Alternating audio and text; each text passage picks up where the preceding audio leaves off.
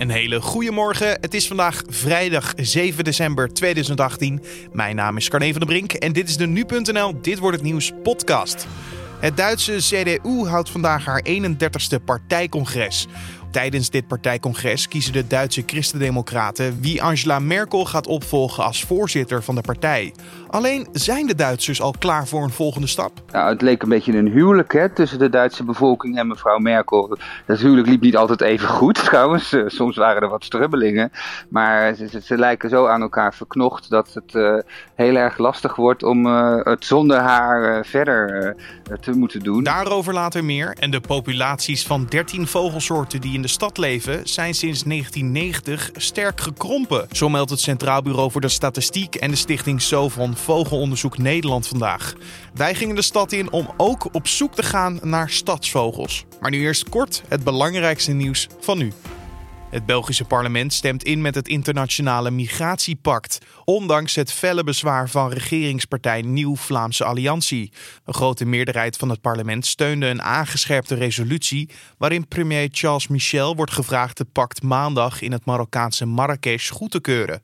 De resolutie werd met 107 stemmen voor en 36 tegen aangenomen. Twee boswachters van de Oostvaardersplassen hebben om overplaatsing gevraagd, omdat ze niet bereid zijn om gezonde dieren dood te schieten. Dat bevestigt Staatsbosbeheer in de Volkskrant. De boswachters willen anoniem blijven en willen verder ook geen uitleg geven. Staatsbosbeheer start volgende week met het afschieten van zo'n 1830 edelherten, om ervoor te zorgen dat de andere dieren geen honger lijden. Er blijven nog 490 edelherten over in het natuurgebied. De Amerikaanse president Donald Trump wil dat de woordvoerder van het ministerie van Buitenlandse Zaken, Heather North, de nieuwe ambassadeur voor de Verenigde Naties wordt. Dat melden persbureaus Bloomberg en Reuters. Nauert moet Nikki Haley opvolgen, die in oktober onverwachts bekend maakte te vertrekken als de Amerikaanse VN-gezant. De woordvoerder heeft weinig ervaring binnen de politiek of diplomatieke wereld. In april 2017 werd Nauert aangesteld als woordvoerder van het ministerie van Buitenlandse Zaken en daarvoor was ze verslaggever bij Fox News. Voetbalclub Ajax raakt Frenkie de Jong na dit seizoen naar alle waarschijnlijkheid kwijt aan Paris Saint-Germain. De Franse topclub is bereid om te voldoen aan de vraagprijs van zo'n 75 miljoen euro voor de 21-jarige middenvelder. De Telegraaf meldt vrijdag dat een delegatie van Paris Saint-Germain donderdag naar Amsterdam is gekomen om in de Johan Cruijff Arena te onderhandelen met Ajax over de Jong. Mocht de Jong daadwerkelijk voor 75 miljoen euro naar Parijs vertrekken, dan wordt hij de duurste uitgaande transfer ooit van Ajax en in de Eredivisie. De zanger van rockband Kiss, Gene Simmons, wordt aangeklaagd vanwege het betasten van een vrouw in 2016. Dat meldt de entertainmentwebsite The Blast op basis van rechtbankpapieren die de site in handen heeft. Het voorval vond twee jaar geleden op 6 december plaats tijdens de opening van een restaurant van Simmons. De vrouw die anoniem wil blijven zegt dat ze als afwashulp in het restaurant werkte toen het gebeurde. De vrouw zegt dat ze niet wist wie Simmons was, maar wel met hem op de foto wilde toen hij dat vroeg. Tijdens het nemen van de foto zou de rockzanger zijn hand op de vagina van de vrouw hebben gelegd. En volgens de vrouw zou Simmons ook andere vrouwen onheus hebben bejegend die dag. En dan kijken we naar de dag van vandaag, oftewel dit wordt het nieuws. Het Duitse CDU houdt vandaag haar 31ste partijcongres. Tijdens dit partijcongres kiezen de Duitse Christen-Democraten wie Angela Merkel gaat opvolgen als voorzitter van de partij. Tot dusver hebben zich twaalf kandidaten gemeld die Angela Merkel willen opvolgen als voorzitter van de CDU. Maar volgens Hanko Jurgens van het Duitsland Instituut springen er twee kandidaten eruit. Uh, er zijn eigenlijk uh, twee uh, kandidaten. Dat is Annegret Kramp-Karrenbauer en Friedrich Merz. Er is ook een derde, dat is Jens Spaan, maar die telt wat minder mee. en Annegret Kramp-Karrenbauer wordt gerekend tot het Merkelkamp heeft wel uh, ook wel wat eigen accenten. Uh, ze is wat conservatiever als het gaat om familiepolitiek bijvoorbeeld. Ze, was ook, ze toonde zich tijdens deze campagne ook erg kritisch over Poetin.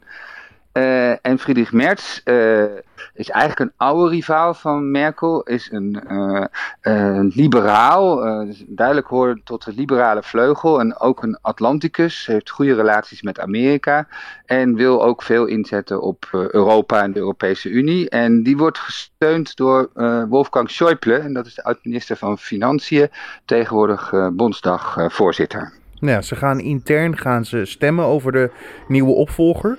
Ja, hoe, gaan ze dan kijken naar de, de juiste opvolger? Hoe zullen ze de keuze maken? Nou, er zijn 1001 gedelegeerden uh, binnen de CDU, waarvan overigens 296 uh, van de deelstaat Noord-Rijn-Westfalen, dus de, de gedelegeerden uit Noord-Rijn-Westfalen hebben een uh, belangrijke stem.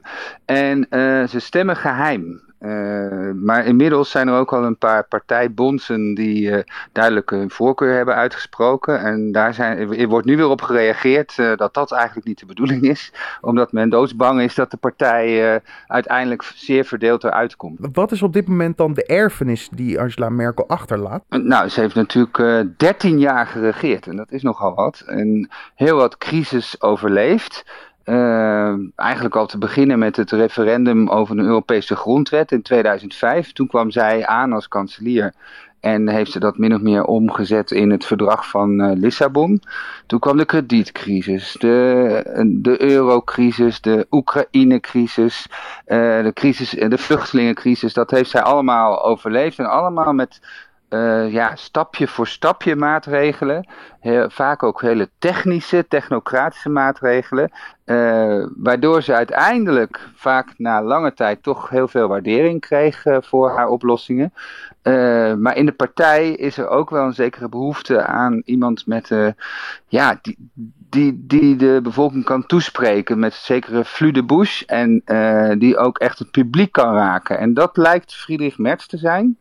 En daar zit een beetje de, de vraag van, voor de partij. Van gaan we voor iemand die ja, het, uh, snel het volk kan aanspreken. Of eigenlijk iemand die juist al die verschillende belangen in uh, Duitsland in het oog houdt en voor middenkoers uh, gaat. En natuurlijk was Angela Merkel ook een belangrijke speler binnen het Europese speelvlak. Maar hoe zal het probleem Europa worden getackeld met dan die opvolger? Nou, ik denk nog dat Merkel zelf nog een hele agenda in Europa heeft. En uh, ze heeft in ieder geval nog even tijd. Want ze zal nooit de komende maanden sowieso al niet aftreden. Als ze aftreedt, eerder aftreedt, dan zou het 2019 uh, kunnen zijn, eind volgend jaar. Maar in principe zou ze zelfs tot 2021 kunnen blijven. En dan heeft ze toch best nog wel een agenda in Europa, want die is niet af. Dat is duidelijk. De bankenunie is niet af. Ze willen eigenlijk een Europees Monetair Fonds oprichten. En ze willen ook in Europa toch wel het een en ander gaan uh, veranderen als je het hebt over haar erfenis, dan zou ik zeggen dat zij vooral bekend zal komen te staan als degene die een hoop crisis heeft uh, overleefd, als een goede crisismanager, maar uh, nog niet als iemand die zeg maar een heel nieuw Europa heeft neergezet of duidelijke oplossingen voor de vluchtelingencrisis heeft geboden. Het blijft allemaal stapje voor stapje, schiet voor schiet, dat zegt ze zelf ook. Uh, maatregelen die op dat moment dat het nodig was uh, genomen zijn. Uh, maar geen hele grote nieuwe vergezichten. Ja, het grote moment dat iedereen natuurlijk aan Angela Merkel denkt, dan denk je gelijk aan uh, Wier Schaffendas. Ja. Dat, dat staat inherent aan die hele vluchtelingencrisis en haar rol erin.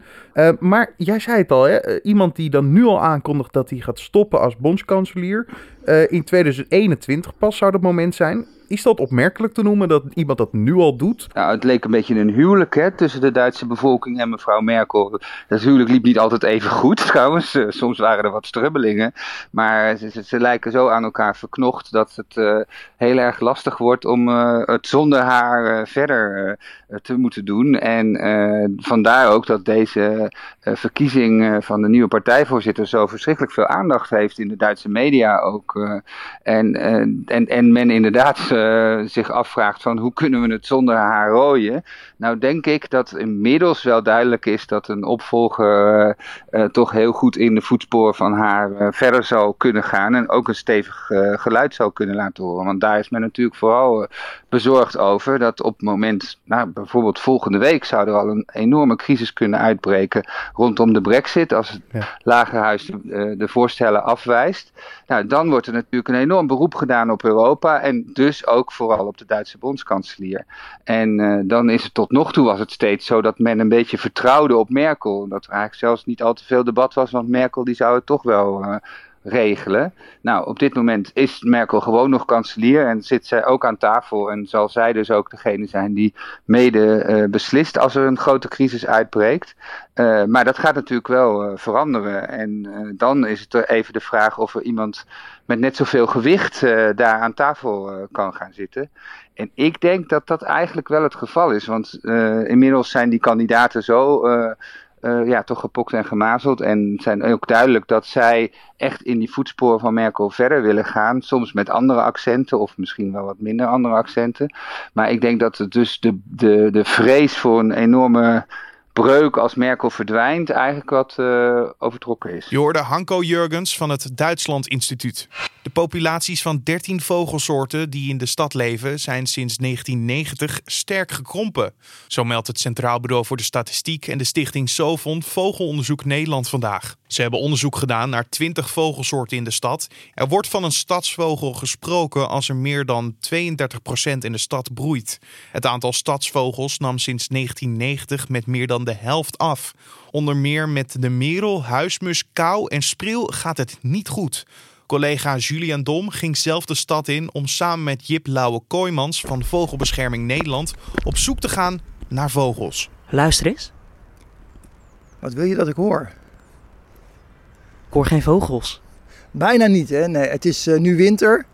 En vogels zijn gewoon wat stiller rond deze tijd. Jip Lauwe-Kooijmans, jij bent van Vogelbescherming Nederland. We lopen hier door Park Frankendaal in Amsterdam. Zitten er nog wel voldoende vogels in Amsterdam? Uh, ja, in Nederlandse steden zitten, zitten wel vogels. Uh, ook veel verschillende soorten. Uh, niet alleen in Amsterdam, maar in alle steden. Uh, er is ook heel veel aandacht voor stadsnatuur. Dat merk je in de media en in films. Maar dat vertekent een beetje het beeld. Want de meeste vogels die van die stad zouden moeten profiteren, die gaan eigenlijk in aantal achteruit. Ik hoor ook gehei op de achtergrond, zo sirenes, auto's. Er wordt flink gebouwd. Uh, is zo'n park dan nog wel voldoende? Het gaat achteruit, blijkbaar niet dus. Ja, dat, dat, dat ligt eraan. Steden worden steeds compacter in, uh, in Nederland. Uh, er wordt ook steeds efficiënter gebouwd. Doordat we compacter bouwen, is er minder groene ruimte in steden. Doordat we steeds efficiënter bouwen, is er minder nestgelegenheid voor gebouwbewonende soorten. En het rare is dat die steden die zijn heel sterk gegroeid. En als een leefgebied groeit, zou je verwachten dat de dieren daarvan zouden profiteren. Maar bij die stadsvogels is dat dus juist niet het geval. En de andere factor die uh, ja, een heel negatieve werking heeft, is dat steeds meer mensen hun tuinen bestraten. Waardoor heel veel potentieel leefgebied ook verdwijnt. Tuinen bestraten, er gewoon tegeltjes erin, geen gras, geen aarde, geen plant. Ja, dat is het precies. En uh, uh, er zijn een heleboel uh, stedelijke functies waar dat heel ongunstig voor is. klimaatadaptatie, waterretentie. En ook voor de natuurwaarde is het heel, heel ongunstig. Als ik nou zo om me heen kijk, hè? ik ben niet echt een vogelkenner, maar ik zie volgens mij alleen maar, zijn dit zilvermeeuwen? Nee, dit zijn kokmeeuwen. En ja, die overwinteren veel in de stad. En wat zijn nou broedvogels? Is een kokmeeuw een broedvogel? In het stedelijk gebied uh, bijna niet. Uh, soorten die in de stad broeden, die echt van de stad zouden profiteren, zijn soorten als de gierzwaluw, de huismus en de huiszwaluw. Nou, je hoort het eigenlijk al in de namen. Uh, en vogels die van onze tuinen en onze parken profiteren, soorten als de merel, koolmees, pimpelmees. Eigenlijk soorten die je uit de tuin kent. Ik ken ze niet eens meer. Ik, ik, weet nog hoe een huismus eruit ziet natuurlijk, maar ik zie ze bijna nooit. Nee, nee. Als je uh, hier in de grote stad en met name in de Randstad zijn huismussen heel erg hard achteruit gegaan. Huismussen staan zelfs op de rode lijst van bedreigde vogels. Uh, en andere soorten die gaan ook achteruit. En het zijn juist die soorten waarvan je verwacht dat ze van de stad zouden profiteren, die je dus niet goed doen. Nou, zeg je van het ligt voor een deel aan het bestraten van de tuinen bijvoorbeeld, uh, wat mensen doen. Zijn er oplossingen die we, die we zelf aan kunnen pakken als bewoners van een grote stad om die vogels te helpen? Het meest simpele principe is tegel eruit, planten erin. Dat is, zorgt gewoon de, de, de bloemen die trekken insecten aan. Want dat is natuurlijk heel belangrijk voedsel voor vogels in de broedtijd. Uh, het levert beschutting. Bessen zullen voedsel in de winter uh, bieden. Daar doe je al heel veel mee. Oké, okay, maar dat, dat is voor de mensen met een tuin. Maar ik woon zelf bijvoorbeeld in een appartementencomplex. Ik heb geen tuin. Wat kan ik dan doen? Uh, nou ja, wat het eigenlijk had gebeurd moeten worden, is dat jouw, uh, het gebouw waar jij in woont, had natuurinclusief gebouwd kunnen worden. Er zijn oplossingen voor gebouwbewonende soorten die je gewoon kan integreren in de bouw, in de gevel. Waar die soorten van profiteren, waar wij mensen niet eens last van hebben. Er had een vegetatiedak opgekund bijvoorbeeld. En als dat niet gedaan is, dan zou je zelf altijd nog een nestkast kunnen ophangen. Een nestkast en zo'n uh, zak met nootjes eraan, helpt dat nog iets? Ja, nou, kijk, dat is voor de winteroverleving van vogels. Als er echt niks anders is, is dat natuurlijk leuk om te doen. Maar dat is niet de structurele oplossing om soorten te helpen. Ze hebben gewoon een beschutte plek nodig waar ze zelf hun bestaan kunnen opbouwen. Dat is natuurlijk het beste, want dan is het niet afhankelijk van jou, maar dan is het systeem op orde. Heb je er vertrouwen in dat het beter komt hier in Nederland met de vogels in de steden? Nou, er zijn tendensen die de goede kant op gaan. We hebben meer oog voor duurzaamheid in Nederland. Uh, nu, na de recente bouwcrisis, de bouw weer opkomt, is er ook in de bouw aandacht voor duurzaamheid en voor het natuurinclusief bouwen. Het is nog wat uh, incidenteel, maar je merkt ook dat verschillende gemeentes, onder andere de gemeente Amsterdam, bezig zijn om uh, beleid hiervoor te ontwikkelen. En dat is dus natuurlijk wel een positieve, uh, positieve kant die eraan zit. En ja, moeten gewoon hoop hebben en allemaal ons best blijven doen. Jip Lauwe Kooijmans hoorde je in gesprek met Julian Dom. En Lauwe Kooijmans heeft onlangs ook meegewerkt aan het boek Bedreigde Vogels in Nederland. En we mogen één exemplaar weggeven. Heb je nou interesse in dit boek? Laat het ons weten via podcast.nu.nl. En de winnaar krijgt uiterlijk volgende week dinsdag een mailtje. De derde regiezitting in het hoge beroep van de rechtszaak tegen Geert Wilders vindt vandaag plaats. De PVV-voorman wordt vervolgd voor discriminatie en aanzetten tot haat na zijn uitspraken tijdens de gemeenteraadsverkiezingen in 2014. Tijdens de eerste twee zittingen heeft de advocaat van Wilders, Geert-Jan Knoops, vooral bepleit dat het ministerie van Veiligheid en Justitie en ook het ministerie van Buitenlandse Zaken destijds invloed hebben uitgeoefend op de vervolgbeslissing. Het Openbaar Ministerie zegt dat deze beslissing zelfs zelfstandig is genomen en krijgt vanaf vandaag de kans om hun onderzoekswensen in te dienen. De rechtbank van Amsterdam doet uitspraak in de zaak tegen de vermeende organisatoren van een drugsmokkel met viskotters. Op 10 juni 2017 werd een van deze partijen van 261 kilo cocaïne onderschept en werd de bemanning van de boot aangehouden. Het Openbaar Ministerie vermoedt dat deze manier van smokkelen al zeker sinds 2015 plaatsvond en eiste celstraffen tot bijna 14 jaar. De hoogste strafeis was met 13 jaar en 9 maanden voor Mohammed S., die een leidende rol zou hebben gehad. Leendert R. en Ferry B. moeten volgens het OM respectievelijk 5 en 6 jaar de cel in. En dan nog even het weer. De vrijdag begint regenachtig, waarna in de loop van de dag op de meeste plaatsen sprake is van brede opklaringen. Soms kan de zon dan ook even tevoorschijn komen. Het wordt opnieuw ongeveer 12 graden, maar wel met een stevige wind uit het westen. En om nog even kunstig af te sluiten, twee portretten van de hand van Frans Hals uit 1637 hebben op een veiling bij Christie's in Londen samen 11,2 miljoen euro opgebracht.